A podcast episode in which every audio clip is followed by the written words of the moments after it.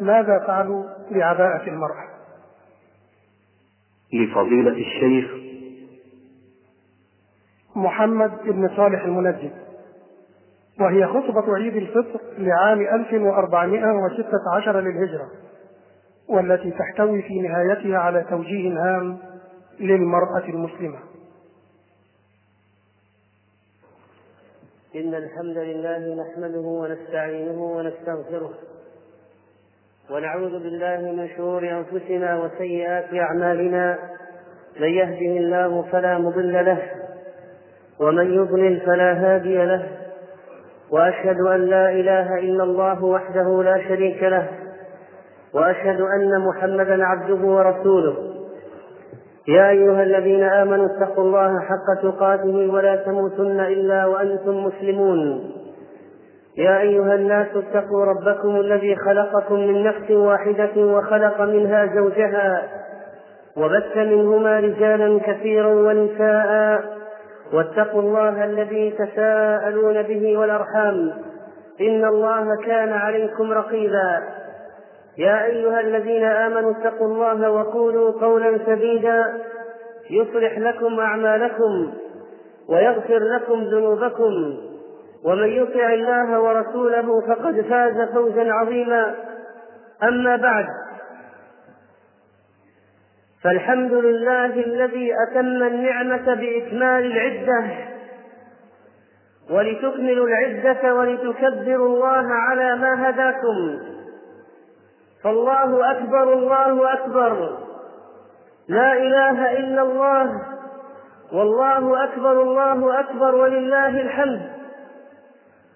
اللهم لك الحمد بما علمتنا وهديتنا وأرسلت إلينا رسولنا وأنزلت علينا كتابنا وشرعت لنا ديننا وميزتنا بأعيادنا عن أعياد غيرنا لكل قوم عيد وهذا عيدنا أهل الإسلام. جعل الله لنا عيد الفطر وعيد الأضحى. ونسخ كل أعياد الجاهلية.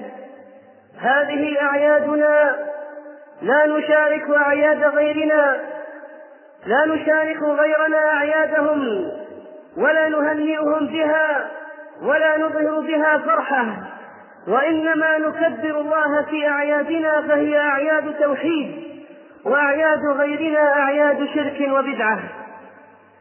فالله أكبر الله أكبر. والحمد لله حمدا كثيرا طيبا مباركا فيه.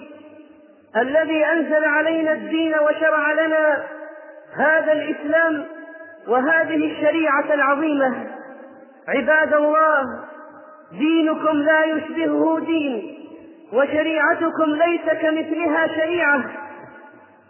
اليوم أكملت لكم دينكم وأتممت عليكم نعمتي ورضيت لكم الإسلام دينا. عيدنا هذا يذكرنا بتوحيد الله وشكر نعمة الله تعالى. لقد مر رمضان أيها المسلمون فهل رأيتم شهرا أسرع مرورا منه؟ هل رأيتم شهرا أسرع مرورا من هذا الشهر؟ كلا والله لقد انقضى ما بين طرفة عين وانتباهتها كأنه حلم ومر. ذهب الشهر بما استودع من الأعمال فالحمد لله الحمد لله الذي تتم بنعمته الصالحات لمن عبد الله فيه وصلى وقام. والحمد لله على كل حال ونسأل الله السلامة والعافية والمغفرة من تقصيرنا وعجزنا وضعفنا وإسرافنا في أمرنا. أيها المسلمون يا عباد الله إن هذه الدنيا دنيا زائلة. إن هذه الدنيا دنيا ذاهبة. إن النبي صلى الله عليه وسلم أعطانا توجيهات كثيرة في شأن هذه الحياة الدنيا. تعالوا نستعرض بعضا منها كلها من أقواله صلى الله عليه وسلم. احذروا الدنيا. فإنها خضرة حلوة. أبشروا وأملوا ما يسركم. فوالله ما الفقر أخشى عليكم. ما الفقر أخشى عليكم. ولكن أخشى عليكم أن تبسط عليكم الدنيا كما بسطت على من كان قبلكم. فتنافسوها كما تنافسوها فتهلككم كما أهلكتهم. إن مطعم ابن آدم قد ضرب مثلا للدنيا وإن قزحه. وملحه. فانظر إلى ما يصير عند خروجه من البدن. حلوة الدنيا مرة الآخرة ومرة الدنيا حلوة الآخرة. الدنيا سجن المؤمن وجنة الكافر. لو كانت الدنيا تعدل عند الله جناح بعوضة ما سقى كافرا منها شربة ماء.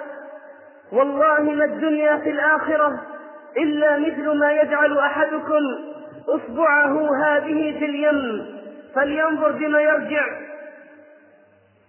آكل كما يأكل العبد فوالذي نفسي بيده لو كانت الدنيا تزن عند الله جناح بعوضة ما سقى منها كافرا كأسا أتاني جبريل فقال يا محمد عش ما شئت فإنك ميت وأحبب من شئت فإنك مفارقه. واعمل ما شئت فإنك مجزي به. واعلم أن شرف المؤمن قيامه بالليل وعزه استغناؤه عن الناس. اذهب في الدنيا يحبك الله. واذهب فيما في أيدي الناس يحبك الناس. إنما يكفيك من جمع المال خادم ومركب في سبيل الله. خير الرزق الكفاف. لا لك ولا عليك. خير الرزق الكفاف. طوبى لمن هدي للإسلام وكان عيشه كفافا وقنع به. كن ورعا تكن أعبد الناس وكن قنعا تكن أذكر الناس وأحب للناس ما تحب لنفسك تكن مؤمنا وأحسن مجاورة من جاورك تكن مسلما وأقل الضحك فإن كثرة الضحك تميت القلب. ما قل وكفى خير مما كثر وألهى. ما لي وللدنيا ما أنا في الدنيا إلا كراكب استظل تحت شجرة ثم راح وتركها. من أصبح آمنا في سربه معافا في جسده عنده قوت يومه فكأنما حيزت له الدنيا بحذافيرها.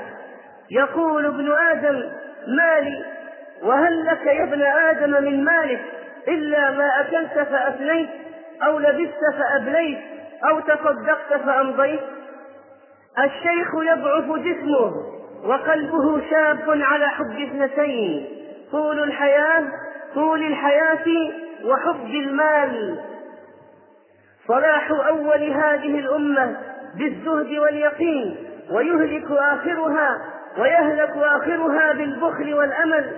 لو كان لابن آدم واد من مال لابتغى إليه ثانيا ولو كان له واديان لابتغى لهما ثالثا ولا يملأ جوف ابن آدم جوف ابن آدم إلا التراب ويتوب الله على من تاب. من كانت الآخرة همه جعل الله غناه في قلبه وجمع له شمله وأتته الدنيا وهي راغمة. ومن كانت الدنيا همه جعل الله فقره بين عينيه وفرق عليه شمله ولم يأته من الدنيا إلا ما قدر له. إنما ترزقون وتنصرون بضعفائكم. أتعلم أول زمرة تدخل الجنة من أمتي فقراء المهاجرين. يأتون يوم القيامة يوم القيامة إلى باب الجنة ويستفتحون. فيقول لهم الخزنة أو قد حوسبتم قالوا بأي شيء نحاسب؟ وإنما كانت أسيافنا على عواشقنا في سبيل الله حتى متنا على ذلك. فيفتح لهم فيفتح لهم فيقيلون فيها أربعين عاما قبل أن يدخلها الناس. اطلعت في الجنة فرأيت أكثر أهلها الفقراء. واطلعت في النار فرأيت أكثر أهلها النساء. إن فقراء المهاجرين يسبقون الأغنياء يوم القيامة إلى الجنة بأربعين خريفا. ألا أخبركم بمن تحرم عليه النار غدا؟ على كل هين لين قريب سهل. ألا أنبئك بأهل الجنة؟ الضعفاء المغلوبون. رب أشعث مدفوع بالأبواب. لو أقسم على الله لأبره. كنت على باب الجنة. فإذا عامة من دخلها المساكين وإذا أصحاب الجد يعني المال والغنى محبوسون إلا أصحاب النار فقد أمر بهم إلى النار وكنت على باب النار فإذا عامة من يدخلها النساء من نزلت به فاقة فأنزلها بالناس لم تسد فاقته ومن نزلت به فاقة فأنزلها بالله. فيوشك الله له برزق عاجل أو آجل. يا معشر الفقراء ألا أبشركم؟ إن فقراء المؤمنين يدخلون الجنة قبل أغنيائهم بنصف يوم خمسمائة عام وإن يوما عند ربك كألف سنة مما تعدون. إن الله تعالى إذا أنزل سطواته على أهل نقمته فوافت آجال قوم صالحين. فأهلكوا بهلاكهم ثم يبعثون على نياتهم وأعمالهم. إنما الأعمال كالوعاء. إذا طاب أسفله طاب أعلاه وإذا فسد أسفله فسد أعلاه يحشر الناس على نياتهم. أتدرون ما المفلس؟ إن المفلس من أمتي.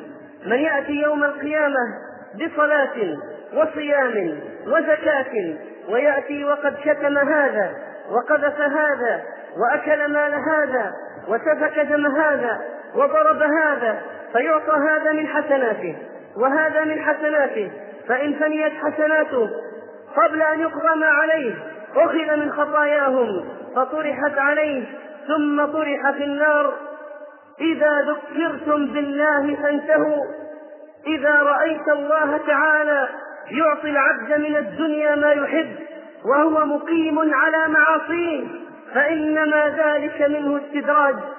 استحيوا من الله حق الحياء.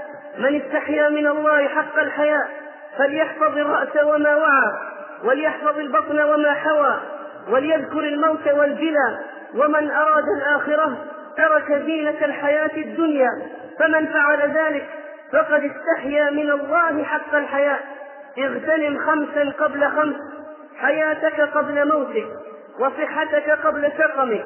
وفراغك قبل شغلك وشبابك قبل هرمك وغناك قبل فقرك. إن الله تعالى لا يظلم المؤمن حسنة يعطى عليها في الدنيا ويثاب عليها في الآخرة. وأما الكافر فيطعم بحسناته في الدنيا. تقولون لماذا عند الكفار أمطار ونباتات؟ لماذا عندهم تقدم وحضارات؟ لماذا عندهم نعيم وأموال؟ وأما الكافر فيطعم بحسناته في الدنيا حتى إذا أفضى إلى الآخرة لم تكن له حسنة يعطى بها خيرا. إن الله تعالى يقول يا ابن آدم تفرغ لعبادتي أملأ صدرك غنى وأسد فقرك وإن لا تفعل ملأت يديك شغلا ولم أسد فقرك. إن أول ما يسأل عنه العبد يوم القيامة من النعيم أن يقال له ألم نصح لك جسمك ونرويك من الماء البارد؟ حتى الماء البارد سنسأل عنه يا عباد الله. إني أرى ما لا ترون وأسمع ما لا تسمعون. أطت السماء وحق لها أن تئط ما فيها موضع أربع أصابع إلا وملك واضع جبهته لله تعالى ساجدا. إلا وملك واضع جبهته لله تعالى ساجدا.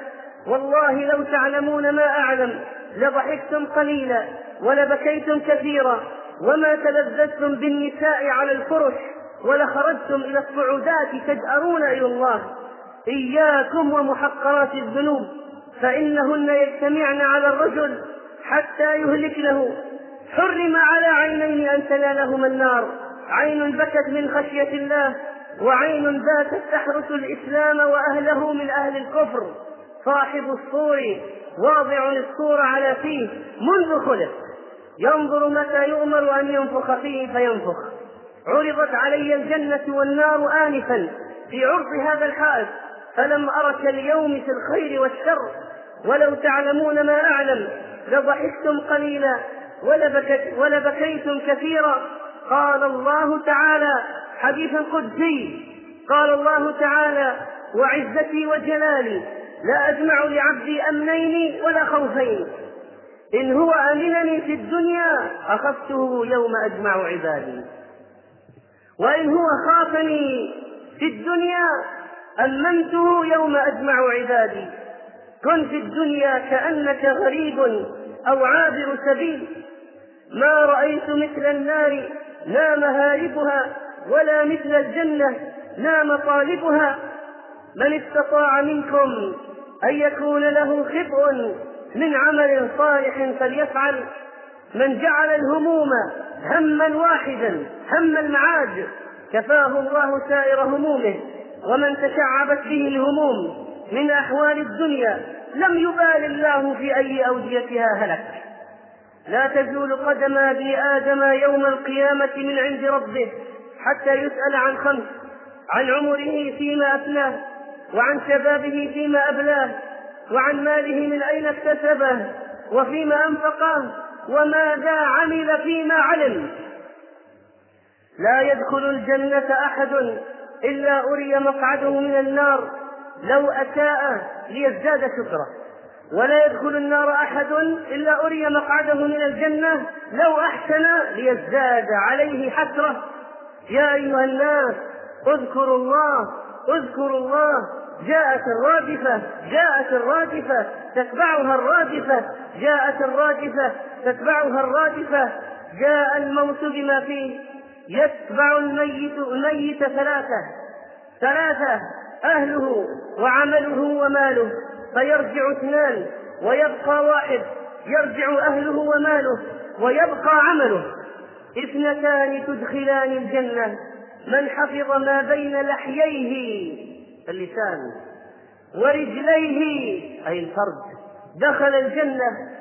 إذا أصبح ابن آدم فإن الأعضاء كلها تكفر اللسان فتقول اتق الله فينا فإنما نحن بك فإن استقمت استقمنا وإن اعوججت اعوججنا.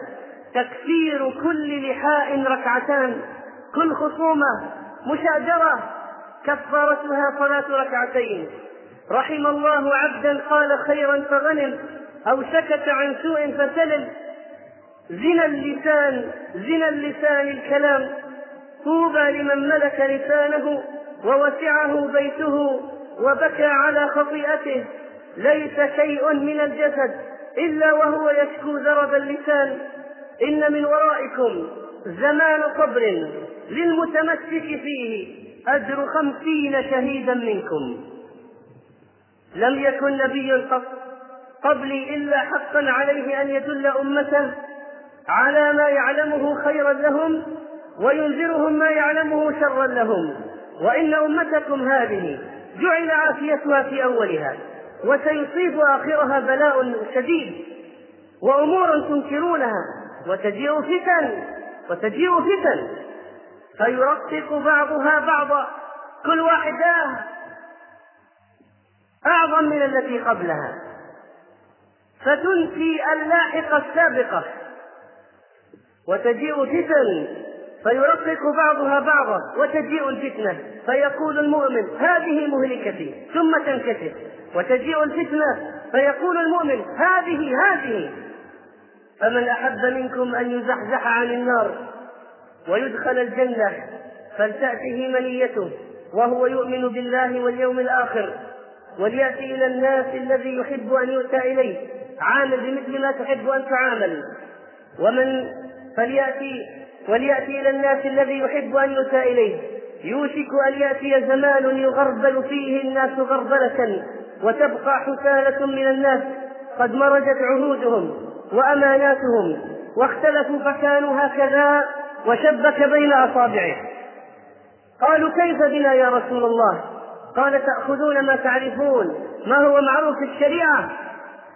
وتدعون ما تنكرون وتقبلون على أمر خاصتكم عباد الله المؤمنين أصحاب الدين المتدينين وتقبلون على أمر خاصتكم وتذرون أمر عامتكم. هذه بعض التوجيهات النبوية بالنسبة للدنيا وللسلامة منها والمواقف في الفتن.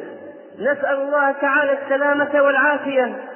اللهم اختم لنا شهر رمضان بغفرانك والنجاة من نيرانك. اللهم وفقنا لليسرى وجنبنا العسرى اللهم من كان منا في فجور وشرور وخمور ومسكرات ومخدرات ومعاصي وآثام فارزقه طريق التوبة النصوح. اللهم لا تزغ قلوبنا بعد إذ هديتنا وهب لنا من لدنك رحمة إنك أنت الوهاب. أقول قولي هذا وأستغفر الله لي ولكم.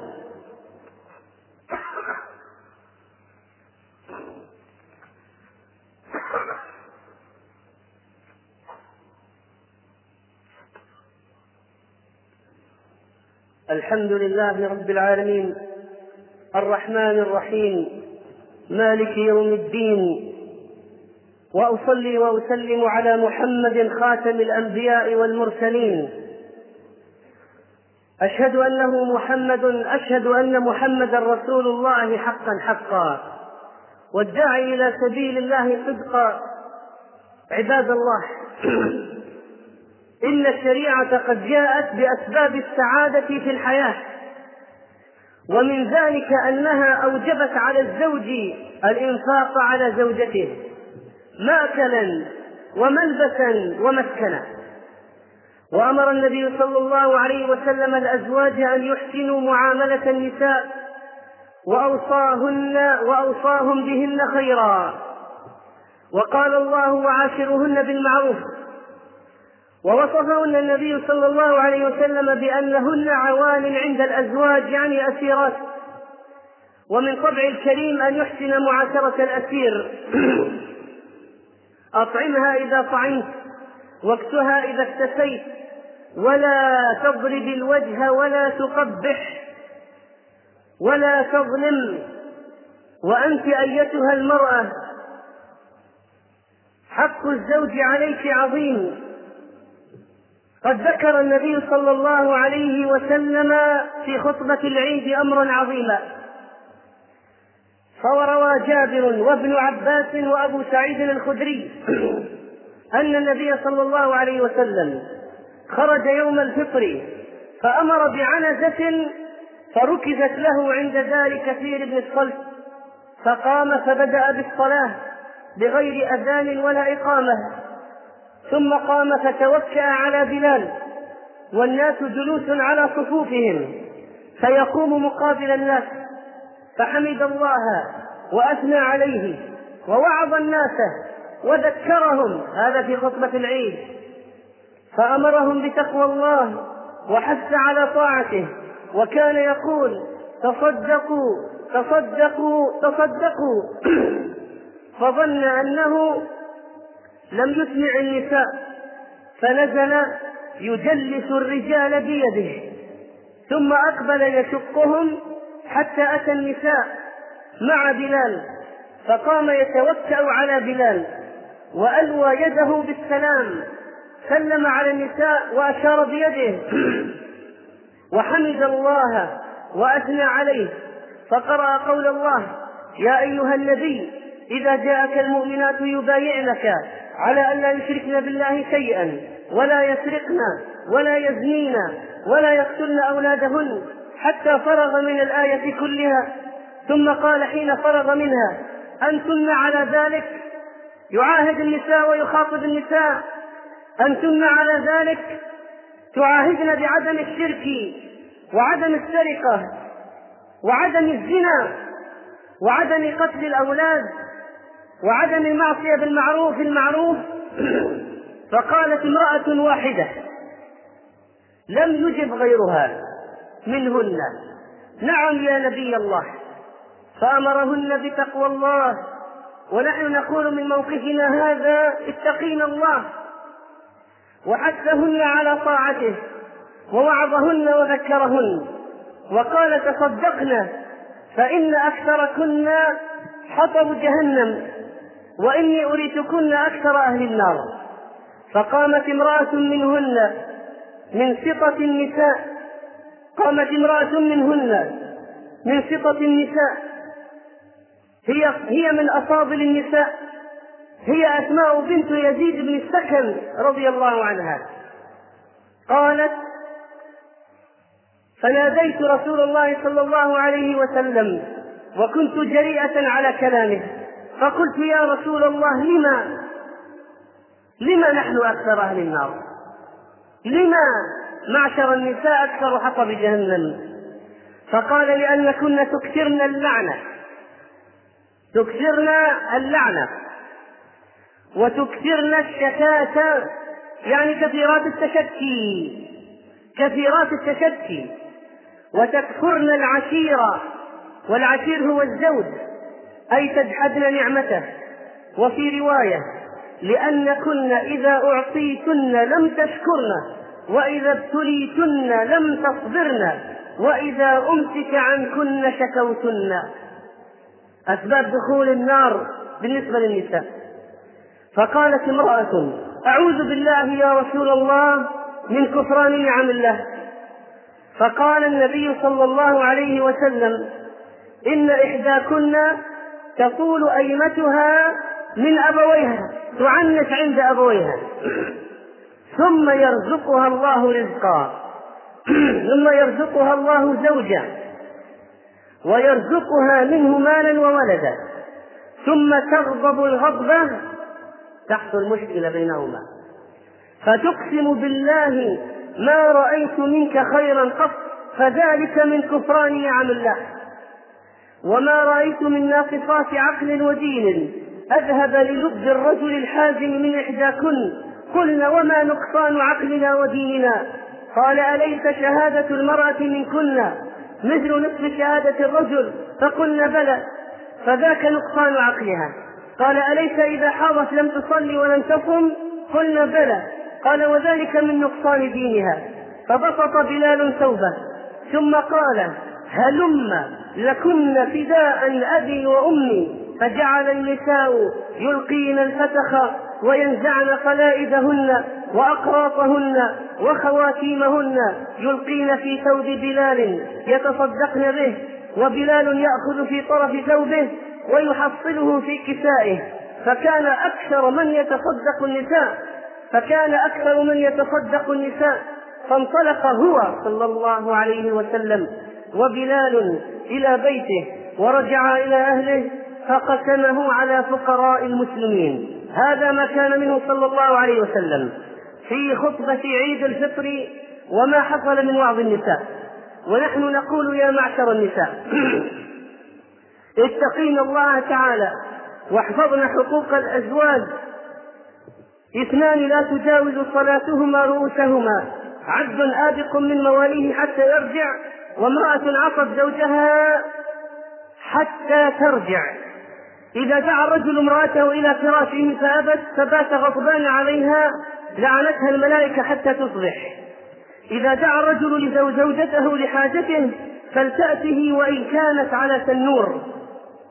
إذا صلت المرأة خمسها وصامت شهرها وحصلت فرجها وأطاعت زوجها قيل لها ادخلي الجنة من أي أبواب الجنة شئت انظري أين أنت منه فإنما هو جنتك ونارك. خير النساء التي تسره إذا نظر وتطيعه إذا أمر ولا تخالفه في نفسها ولا مالها بما يكره. لو تعلم المرأة حق الزوج لم تقعد ما حضر غداؤه وعشاؤه حتى يفرغ منه. لا تصم المرأة وبعلها شاهد إلا بإذنه. ألا أخبركم بنسائكم من أهل الجنة؟ الودود الولود العؤود التي تعود إلى زوجها إذا غضب التي إذا ظلمت قالت هذه يدي في يدك لا أذوق غمضا حتى ترضى.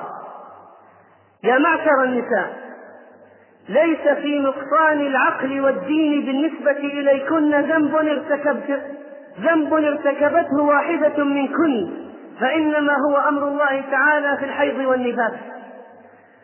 وجعل الله تعالى شهادة المرأة شهادة امرأتين بشهادة رجل. ولكن أين المشكلة في التمرد على الشريعة؟ في معصية الرب تعالى. إذا كان الزوج قائما بالحقوق الشرعية ثم تظلمه المرأة. ثم وثم وثم قضية الحجاب. عباد الله. إن المسألة قد وصلت الآن إلى شيء وحد لا يمكن السكوت عنه بأي حال من الأحوال. إن مناظر النساء اللاتي يغشين الأسواق بهذه الأكسية وهذا التبرج وهذه الأطياب والشباب حولهن يسيرون وراءهن وهن متباهيات بتجميع هؤلاء الفسقة. وراءهن هو أمر مخجل يندى له الجبين. إن دخول النسوة إلى بعض المطاعم اليوم ثم إزالة الحجاب والجلوس هكذا على مرأى أمام الرجال الذين يدخلون إلى بعض المطاعم وبعضها التي تسمى مطاعم عائلية. والله إنه أمر يغضب الرب. إن مسألة إن مسألة مخالفة أوامر الله في الحجاب عند النساء قد وصلت إلى حد مزر أيها المسلمون. ضيع الولي الأمانة وضيعت المرأة الشريعة في أمر الحجاب فصارت قضية مأساوية. وسأضرب لكم الآن أمثلة واقعية لتعلموا معنى ما أقول. عباد الله هل رأيتم هذا الشيء الذي بيدي الآن؟ هذا هذا النقاب الذي تلبسه بعض نسائكم. انظروا إلى فتحته ما أوسعها. انظروا إليه. إنه يشد على الرأس. إنه يشد على الرأس. من الخلف هكذا. وتخرج عينيها المكحلتين. وهي بغاية التبرد لتفتن الشباب. وهؤلاء لا يغضون أبصارهم. ثم انظروا معي الآن إلى بعض العباءات الموجودة.